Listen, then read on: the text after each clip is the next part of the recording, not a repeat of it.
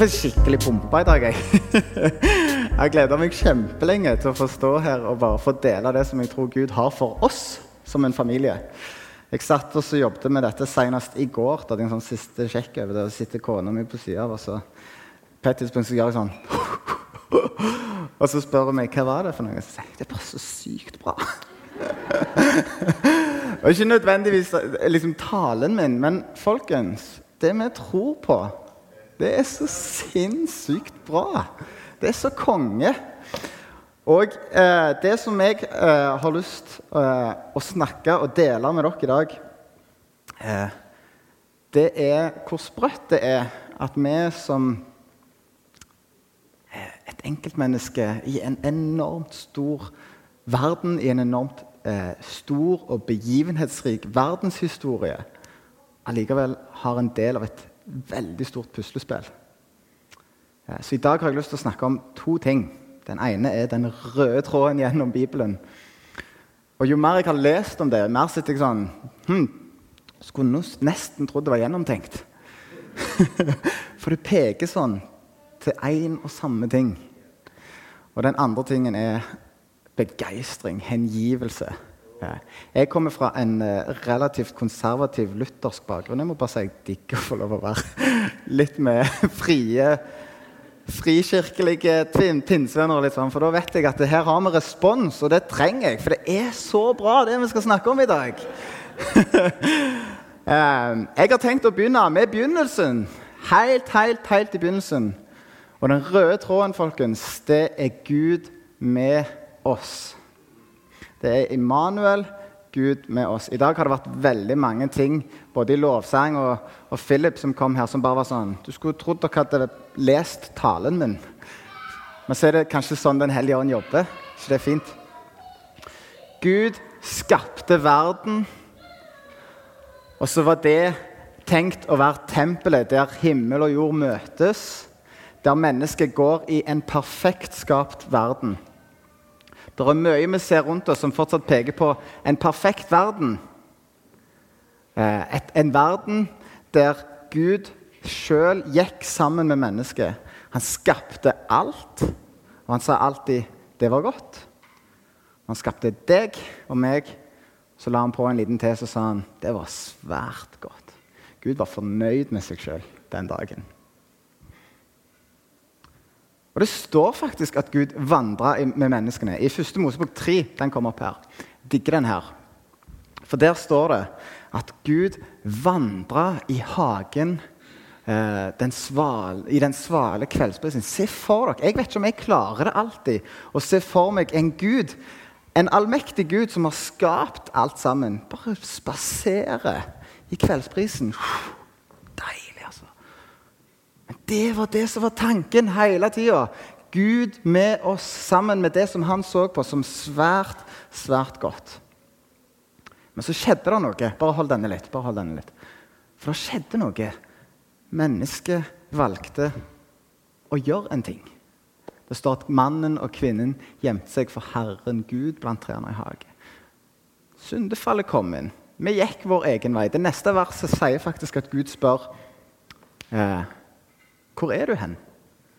Fordi Planen skjønner dere, hele tiden var ikke at vi skulle gjemme oss fra Gud. Det var ikke at vi skulle fare vill vår egen vei, men det var at vi skulle få lov å gå sammen med Gud. Og til og med der merker vi lengselen til Gud. Hvor er du hen? Jeg går rundt her, jeg leter etter deg. Hvor er du hen? Vi gikk vår egen vei. Og det står i Jesaja og Jeg har valgt å dele det verset opp i to. Jesaja 52, eller 53, står det. Vi gikk oss alle vill som sauer. Hver gikk vår egen vei. Det gjelder ikke bare Adam og Eva. Håper ikke det er en brannfakkel for dere. Vi velger alle hver dag å ta noen skritt som, der vi tenker vi kan litt mer enn det Gud gjør. Der vi sier jeg har mer lyst på det enn det. Vi gikk oss alle vill, som sier. Den vandringen, der valgte vi å gå vekk. Nydelig bilde med de sauene i 'Reckless Love'. Vi er virkelig den sauen. Det er helt sant. Men til tross for det så har Gud en stor, stor plan. Fordi Guds intensjon all along det var jeg skal være med mitt svært gode skaperverk. Så vi leser om når eh, israelsfolket skal ut av Egypt, så står det at han leder dem. Han bruker jo tross alt Moses, og litt sånn, så vi ser jo hans spor etter hvert hele tida. Men så, så, står det om at når de gikk i denne ørkenen der det er, De hadde sikkert ikke GPS på den tida, tror jeg. Men Gud han var en skysøyle på dagen, og så var han en ildsøyle på kvelden. Alltid med sitt folk. Lede sitt folk. Og når de fikk eh, de ti bud, eller budene, loven, så la de det oppi ei paktkiste. Så hadde Gud sin bolig i den. En enormt hellig greie. by the way. Jeg skal ikke gå inn på det nå. Men der òg var Guds tilstedeværelse blant folket. Og Hver gang de satte opp et telt, for nå skulle de campe, så begynte de liksom ikke med ja, la oss sette opp teltet først, og så ser vi liksom hvor vi får plass til Gud. Nei, det var Gud midt i tabernaklet, liksom det der tempelteltet var det Gud midt i, og så campa de rundt. For Gud skulle være midt i blant de, står det i andre Mosebok. Og så leser vi, tar vi et lite kvantesprang til fordi at eh, mennesket hadde et veldig sterkt behov for å bygge et tempel til Gud. Eh, der Gud tenkte at skaperverket var hans tempel, så tenkte mennesket vi må ha en plass der vi aktivt kan gå til Gud. Og Gud sier ok, det er greit. Så de bygger, til slutt så, Det blir ikke David som gjør det, men det er Salomo som gjør det. Og Til slutt så setter han opp et tempel, og så står det at alle prestene når de hadde bygd det ferdig, så måtte de gå ut fordi at eh, Gud fylte tempelet igjen midt blant folket. Hvis dere har vært i Jerusalem, så vil dere se at det er en big deal i den byen der. er det tempelet. Alle ser det tempelet. Gud ønsker å være midt blant sitt folk. Faktisk blir det litt sånn eh, når de havner i Babel Nå går jeg veldig kjapt gjennom historien her. Når de havner i Babel, så står det at da er Gud egentlig så lei av hvordan de bryr seg og krangler og oppfører seg om både tempelet og om verden rundt seg, at han forlater tempelet. Og det er kjempevondt for Esekiel, som ser dette, å se det. Fordi mennesket var opptatt av hvor kan vi møte Gud hen. Men Gud han var midt blant dem. Og Når vi snakker om profeten Esekiel, som jeg nevnte, nevnte så, eh, så sier han sjøl at en profet som er midt blant folket Skjønner dere hva jeg mener med at Det ser nesten ut som om at denne boka er litt gjennomtenkt. For Gud han prater til folket sitt gjennom profeter som er midt blant folket. Vi går vår egen vei. Gud sier, 'Jeg følger dere'. Faktisk, jeg leder dere. Jeg er midt blant dere for det. Det er den guden vi kjenner. Og så kan vi lese i Esekiel 34. Det kommer òg opp her.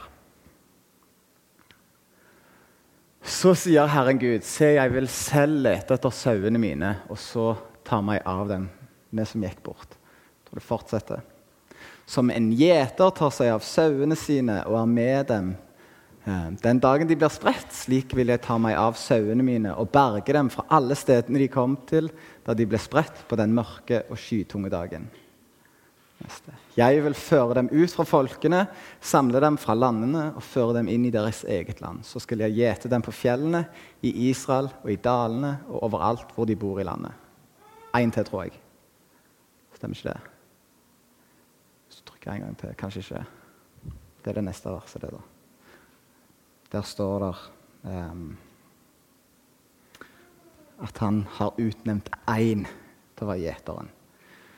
Så et par hundre år før Jesus, han som vi alle sitter her og tenker ja, det, han vet vi hvem er Et par hundre år før det så begynner vi å se en sånn Er det en plan her? Har Gud en større plan? Og Så går vi faktisk ikke 100 år nærmere Jesu fødsel, men hvis vi går 200 år til lenger bak i historien, til Jesaja, 700 år før Jesus ble født, så er det et vers som sier Dette er også en profet midt blant folket sitt som sier og hun skal få en sønn, et barn. Hun skal bli med barn. Hun skal få en sønn, og hun skal få navnet eh, skal vi si, fredsfyrste, evig far. Um, noen vers før det så står det til med Det står ikke navnet Jesus, det står Immanuel. De skal gi navnet Immanuel. Gud med oss. Gud forlater ikke folket sitt, han forlater ikke oss. Han hadde en plan hele tida. Er dere med meg så langt? Gamle testamentet, som er vanvittig vanskelig å lese seg gjennom av og til, blir plutselig en sånn levende blomst når vi får tak i de der tinga der. Men det stoppet ikke bare med en sånn OK, vi forstår at det skal komme en, en, en sønn. Og det står faktisk at det skal komme fra Davids ett òg. Da tar vi enda større innsikt i Guds plan. Husk dette. 700 år før han er født, så står det følgende i Jesaja 50, eh, 52, 13 Nå funker ikke den. Det står at det, så ødelagt var han. Han lignet ikke en mann. Så til og med 700 år før så får egentlig folket til Gud en beskjed om at ikke bare skal det komme en sønn, en som de tenker skal være konge, men det skal skje noe med han som gjør at til slutt ligner han ikke på en mann engang. Han skal bli ødelagt. Gud har en stor, stor plan. Og så skjer jo dette her, da. Hæ? I Matteus 1 så står det og hun skal, få, eh, hun skal få en sønn. Hun skal gi navnet Jesus. Beklager, av og til så går det litt sånn i battle. I battle. Håper dere forstår det ordet òg, egentlig. Um, hun skal føde en sønn, og du skal gi ham navnet Jesus, for han skal frelse sitt folk fra deres synder. Og så går vi litt videre. Se, jomfruen skal bli med barn, føde en sønn. De skal gi ham navnet Immanuel. Det betyr Gud med oss. I Johannes 1, 14 så står det og ordet tok bolig iblant oss, og vi så hans herlighet. Og I Kolosserne så står det òg det er så nydelig så står det han er den usynlige Guds bilde. Den guden som vi ikke kan se, for han er så uendelig stor, så har vi plutselig et bilde på han. Der kommer Jesus.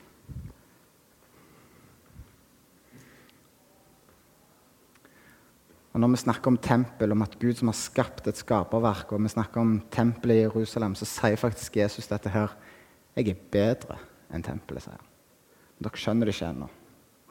Så kommer de og spør han, du, hvor er egentlig Guds rike hen? Dette stedet der Gud oppholder seg. Så sier han det nytter ikke å peke der eller der eller der eller der. Fordi Guds rike, det er midt iblant dere.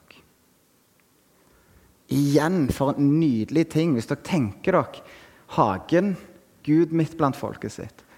Tabernakelet, eller der når de camper, Gud midt blant folket sitt. Profeten som på skrøpelig vis prøver å fortelle folket sitt at Gud er midt iblant dere. Og så er vi der at Jesus sjøl er midt blant folket sitt. For en fantastisk ting. Jeg vet ikke om dere så, Det er mange her som har unger. Ungen min detter over kanten der. En skrøpelig liten babygutt var Jesus. Han òg. Det er Jesus. Og så her, Nå begynner snopet. Nå begynner det jeg kaller for godteriet. For så begynner vi å snakke om hvordan var det Jesus oppførte seg her på jord. Så står det i Matteus, og denne teksten kommer opp. Den er viktig. Fordi at Han møtte en mann som heter Matteus, en toller en skipemann. En som de lærde, altså fariseerne, de som visste litt, de som var eliten, de sa du bør ikke være med han. Det, se bra, det ser ikke så bra ut. Men Jesus sier 'følg meg'. Så reiste Matteus seg og fulgte han, og så står det at Senere på den dagen så gikk de hjem til Matteus. Det neste vers. Um, og så spiste de der. Og da kommer ikke bare tollere, står det, men syndere. Alle de som var bad guys. på en måte. Så står det videre at Jesus satte seg til bords med dem, men så står det at disse lærde de kommer og sier de, 'Hvorfor i verden er du med disse her?' Og så er det det skjønner dere, at Jesus han er den som de kalte for syndernes venn. Han kom for folket sitt. Så han spiste med alle som han kalte sine. Enten de var her eller oppe der. Og Så svarer han dem det er ikke de friske som trenger lege, men de syke. Gud kom for de minste av de minste midt blant folket. Hva annen bedre måte å vise det på enn å sjøl bli født i en stusslig stall? Guds tempel på jord. Og hvorfor? Vi gikk oss vill som sauer. Alle gikk vår egen vei. Alle gikk vår egen vei. Og så kommer fortsettelsen av det verset nå. Jesaja. Og jeg digger det. Jeg elsker dette verset. Det kommer nå. Skylden som vi alle hadde, lot Herren ramme ham. Gud som sa at dere valgte å gå deres egen vei. Dere, dere kan ikke være med meg, dere kan ikke bo med meg lenger. Jeg skal være med dere, men vi kan ikke være sammen lenger. Han sier, 'Jeg hater synd'. Han som ikke visste av synd, står det, lot han bli til synd for oss.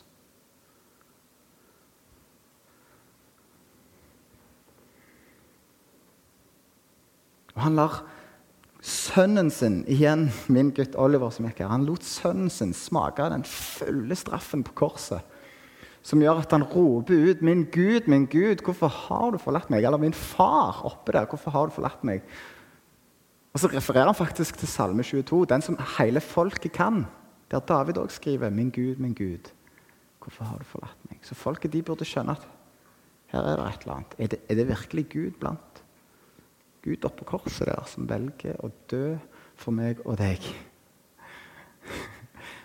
Elsket for alltid. For så høyt har Gud elsket verden, at han gav sin enbårne, sin eneste sønn, for at meg og deg skulle få lov å ha evig liv. Bønnen til Rune før vi begynte, når vi hadde bønnemøte, eller ba før møtet, så sier han sånn Gud, jeg ber om at folk må forstå at det ikke én ting er evigheten, men at det òg handler om at vi skal få lov å være i lag med Jesus her og nå. Det er så viktig. Ikke gå fortapt, men ha evig liv. Jesus er evangeliet. Jesus er de gode nyhetene, folkens.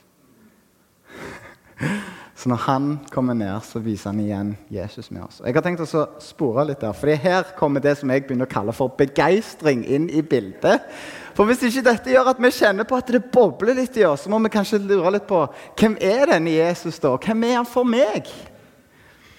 Han visste ikke av synd, han hata det. og Han valgte å gå ned her fordi at vi må få lov å få en sjanse til å gå i lag med han. Husk, vi er svært gode. Det var hans tanke om oss først. Han lengter etter oss. Av og til så nå er det sånn med fotball Jeg er en veldig fotballfan. og Fredrikstad Men vi gleder oss jo alltid til å gå på kamp for dem. Så er det sånn, nå er jeg skikkelig gira nå. I dag går det. i dag går det, sant? Og så, så går det ikke. Og så går vi hjem igjen. Og så faller den der hengivelsen vår til Fredrikstad. Sant? Voff, voff, hele tida opp og ned. Jeg må ærlig innrømme med dere at av og til så har jeg det sånn med Bibelen òg. Jeg pumper. Særlig på gudstjeneste. Og så går jeg derifra, og så faller det liksom litt. Og så er det litt rart, for jeg kan lese historie på historie på historie med folk som møtte Jesus, og deres hengivelse var helt grenseløs. Til tider upassende. Nå skal jeg lese en av de som jeg syns er mest upassende. Vi kan finne den. Lukas 7 kommer der. En av fariseerne innbød Jesus til å spise hos seg. Og Han gikk inn i fariseerens hus og tok plass ved bordet. Nå var det en kvinne der i byen som levde et syndefullt liv. Da hun fikk vite at Jesus lå til bords i fariseerens hus, kom hun dit med en alabastkrukke med fin salve. Hun stilte seg bak Jesus, nede ved føttene, og gråt. Så begynte hun å fukte føttene hans med tårene og tørket dem med håret sitt. Hun kysset føttene hans og smurte dem med salven. Da fariseeren som hadde innbudt ham, så det, tenkte han med seg selv var denne mannen en profet, vil han vite hva slags kvinne det er som rører ved ham, at hun fører et syndefullt liv. Da tok Jesus til orde. Simon, sa han til fariseeren, jeg har noe å si til deg. Si det, mester, svarte han.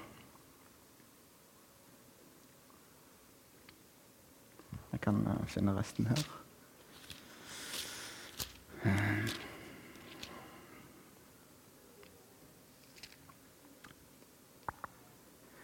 To menn hadde gjeld hos en pengeutlåner. Den ene skyldte 500 denarer, den andre 50. Men da de ikke hadde noe å betale med, etterga han dem begge gjelden. Hvem av dem vil da holde mest av ham? Simon svarte, den han etterga mest, tenker jeg. Du har rett, sa Jesus. Så vendte han seg mot kvinnen og sa til Simon, ser du denne kvinnen? Jeg kom inn i ditt hus, du ga meg ikke vann til føttene mine, men hun fuktet dem med tårer og tørket dem med håret sitt. Du ga meg ikke noe velkomstkyss. Men helt fra jeg kom, har hun ikke holdt opp med å kysse føttene mine. Du salvet ikke hodet mitt med olje, men hun smurte føttene mine med den fineste salve. Derfor sier jeg deg, hennes mange synder er tilgitt. Derfor har hun vist stor kjærlighet. Men den som får lite tilgitt, elsker lite. Så sa han til kvinnen, syndene dine er tilgitt. Da begynte de andre gjestene å spørre seg selv, hvem er han? og Her er grunnen til at jeg syns dette er veldig upassende. For her er det tidenes holy party.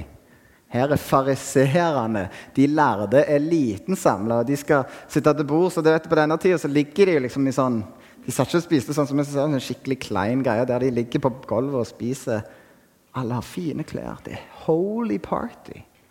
Og så kommer der inn ei som de sier har levd et syndefullt liv. Hun er egentlig en kvinne av natten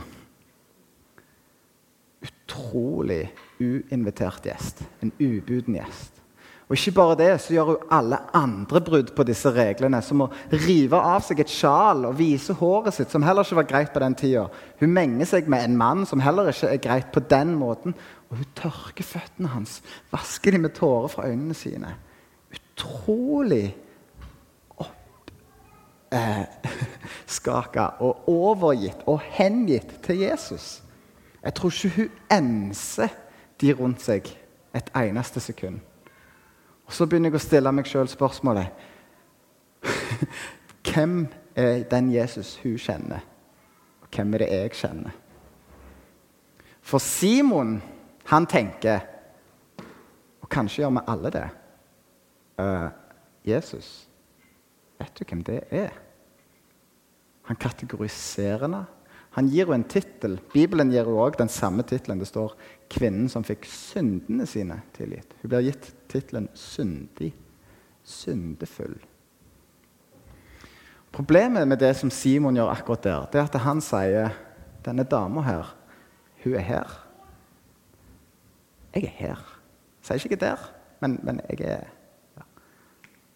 Og så kjenner jeg på en sånn Oi. Man tror vi gjør det av og til.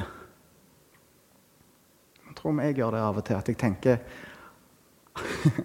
Jeg får nå til noe, da, for å sjekke ut det der. Ikke sikkert jeg sier det høyt. Simon sa heller ingenting høyt, by the way. Jesus, han hørte det.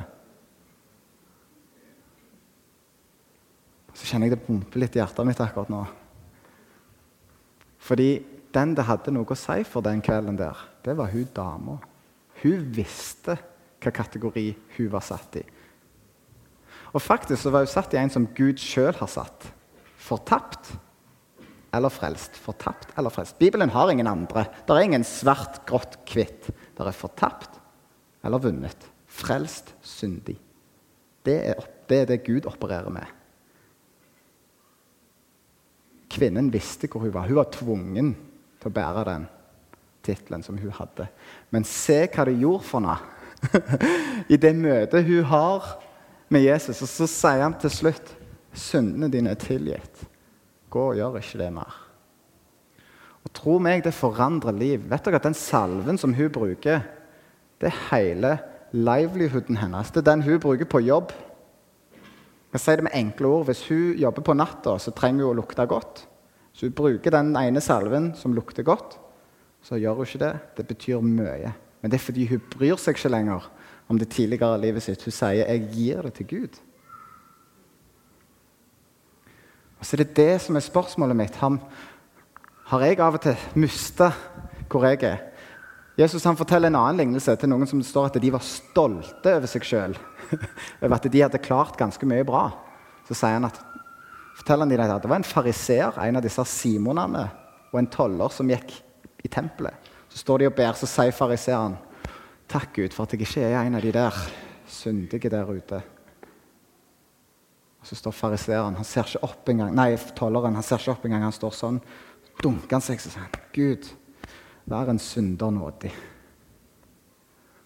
Så spørsmålet mitt til oss i dag har vi glemt av og til vår kategori som fortapt. Så lurer vi av og til på Hvorfor jubler vi ikke når vi hører om Jesus som døde på korset? Han som ikke visste av synd, som ble knust for synd, fordi han elsker oss. Fordi vi har mange synder, og de er tilgitt. De er kasta bort. Og det forandrer liv. Og jeg elsker dette. Gud elsker sitt folk. Hvor høyt? Så høyt elsker han sitt folk. Gud elsker ødelagte mennesker i et ødelagt system. Det er det vi er. Hvis dere lurer på noe, hvem er det Gud har et problem med? Hvem er det Jesus hadde et problem med når han var på jorda? Det var med alle som trodde de ikke trengte en frelser. For Jesus han er en redningsmann. Han kom for å redde oss. La oss gi han den rollen. La oss gi han den rollen. Den fortjener han, og han gjorde det fordi han ønskte at vi skulle igjen få lov å gå i sammen med han. Begeistring, folkens. Og Så går vi videre, for det stopper ikke der. For vi tenker okay, dette er jo tidenes nyheter. Ja, det er det. Men Jesus han hadde mer for oss. Gud han har mer for oss. Og så sier han, før han dør, så sier han Jeg kommer til å gå bort. Men dere skal få noe av meg som er enda bedre. Sannhetens ånd. Jeg forlater dere ikke som foreldreløse barn, men dere skal få noe som er bedre enn meg. Og så husker vi hvordan når de satte opp tempelet i Gamle Testamentet, i Salomos tid, så fulgte Gud sånn at det ble vind og skyer overalt. Men så har vi pinsedagen, da, folkens, som er noe helt crazy som skjer. Og Gud fyller sitt folk. Med hvem? Seg sjøl. Med kraften som overvant døden.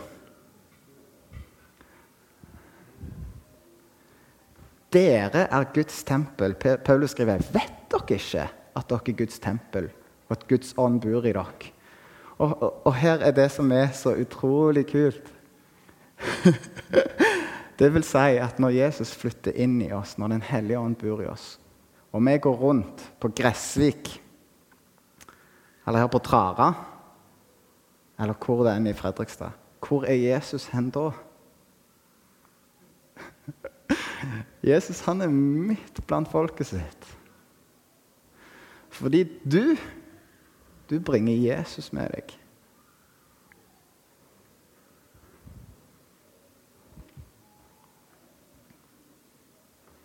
Vi er levende steiner som skal bygge opp Guds tempel, Guds hellige tempel. Ikke lenger et bygg.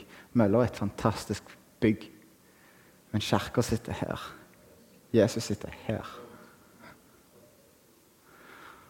Og så står det i Galaterne 5 så står det at skal dere leve med Ånden så her, dette, dette, er helt nytt for meg. Jeg så det nettopp. så står det, Hvis dere skal leve med Ånden, så må dere vandre med Ånden. Skulle tro det var gjennomtenkt. Gud som vandrer med folket sitt i hagen. Og så står det at vi skal få lov å vandre i lag med han. Og Jesus han var god. Og Gud i tempelet, han var god. Men det står faktisk i 2. Korinter jeg tror jeg, jeg tror jeg, sa at du skulle ta med det òg, håper jeg. I 3.10 så står det at ja, det som en gang strålte så klart For Jesus han strålte klart. Har nå mistet sin glans. For nå stråler en herlighet som er uendelig mye klarere. For Jesus han har multiplisert det så til de grader hvor enormt han skinner. Og forandring skjer i oss, folkens. Det står videre. Det neste verset er enda bedre. Les på dette her. Eh, Kontraene 3,16 kanskje ikke du Jo, å, eh, til 18. Men når de vender om til Herren, blir sløret tatt bort. Herren, det er ånden, og hvor ånd, Herrens ånd er, der er frihet. Og vi som uten slør for ansiktet ser Herrens herlighet som i et speil vi blir alle forvandlet til dette bildet.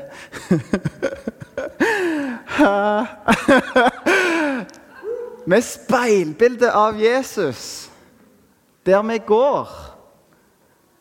Men ikke Jesus. Det er absolutt ikke det jeg sier. Hvis dere tror jeg sier det, så beklager jeg. Det er ikke det jeg sier. Men jeg sier at vi skal få lov å stråle hans glans. Hans kraft er i oss. Gud er blant folket. Vi bringer håp. Gud er midt blant folket sitt.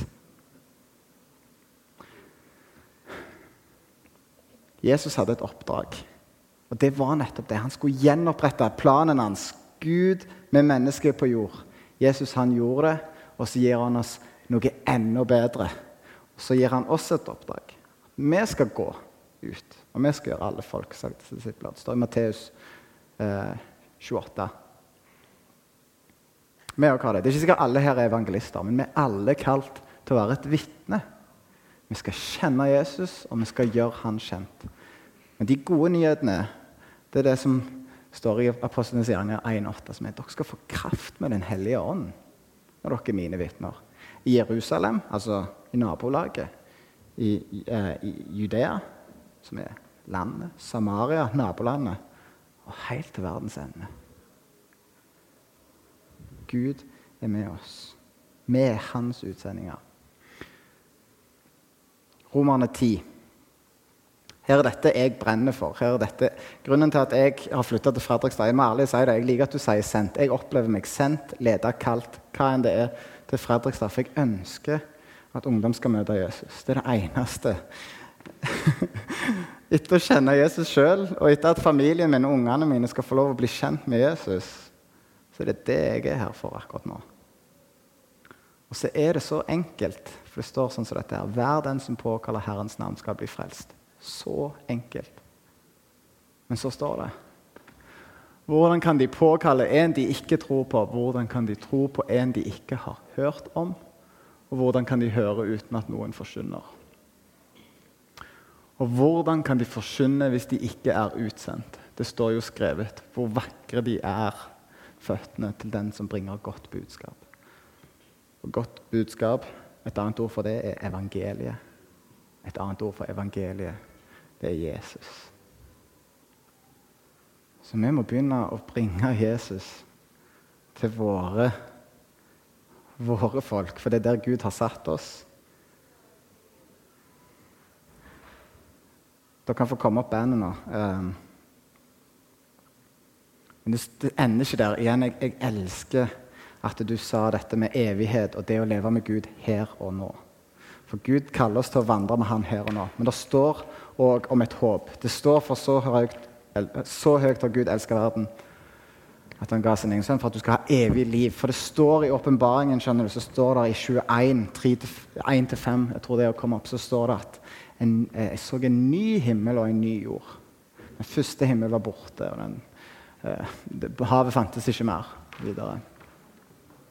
Og jeg så den hellige byen, det nye Jerusalem, stige ned fra himmelen. Fra Gud gjort i stand og pyntet som en brud for sin brudgom. Og så kommer det beste her. Og jeg hørte fra tronen en høy røst som sa.: Se, Guds bolig er hos menneskene. Han skal bo hos dem. Ser dere at plutselig så er vi ved veis ende i denne boka, og så er vi tilbake igjen der vi starta. Fantastisk. Han skal bo hos dem, og de skal være hans folk. Og Gud selv skal være hos dem. Han skal være deres Gud. Og by the way, hvis dere lurer på om det skal være noe tempel der, så står det bare i noen vers senere så står det eh, Nei, for Gud er dens tempel. Vi trenger ikke lenger de tingene der. Gud er med oss. Herren er der. Jeg skal avslutte nå, men jeg har bare lyst til å konkludere med å si at jeg håper dere har forstått at Gud skapte oss for at vi skulle være i lag med Han. Vi har alle gått egne veier. Det er helt greit. Jesus hadde, Gud hadde, en helt hinsides plan. En ufattelig plan som innebar at han ble så ødelagt at han ligna ikke engang et menneske. Hvorfor? For meg for deg. Jesus kom først ned sjøl og gjorde at han var Gud midt blant folket. Og så får vi som La oss bare være ærlige og innrømme det, at vi trenger en redder. En redning hver dag. Kan vi få lov å si Jesus, tusen, tusen takk for at du som hater synd, elsker synderen. Og at jeg var verdt det. Jeg var en av de 99 sauene. Og du gjorde det recklessly. Og så gir du en gave, en hellig ånd, en kraft, som gjør at når jeg, eller vi som sitter her, når vi går på butikken, på jobben, på Fredrikstad stadion eller Trondalen, Gressvik, så bringer vi Jesus. Vi bringer dette håpet, vi bringer det gode budskap. Håper dere hører det at Jesus han har lyst til å gå med dere. Ikke bare som en sånn ting som ligger der, men han ønsker å være med dere hver dag. For det er svært godt for han. For dere er det. Og så helt, helt, helt til slutt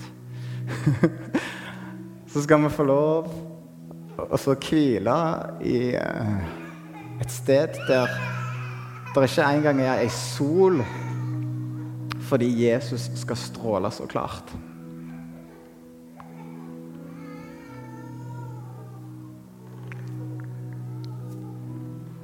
Kjenn på den. Ingen tårer, ingen smerte, ingen død, ikke noe vondt. Et sted der ting er svært godt. Og så får vi glimt av det her og nå, fordi vi skal få vandre med Han nå. Men så har vi et stort håp å holde oss fast til. Kjære Jesus, jeg fra meg av begeistring, Jesus, for at du så meg midt i dette svære, svære opplegget. At jeg som har snudd meg vekk gang på gang på gang, går min egen vei og tenker at jeg løser dette mye bedre enn deg, Gud.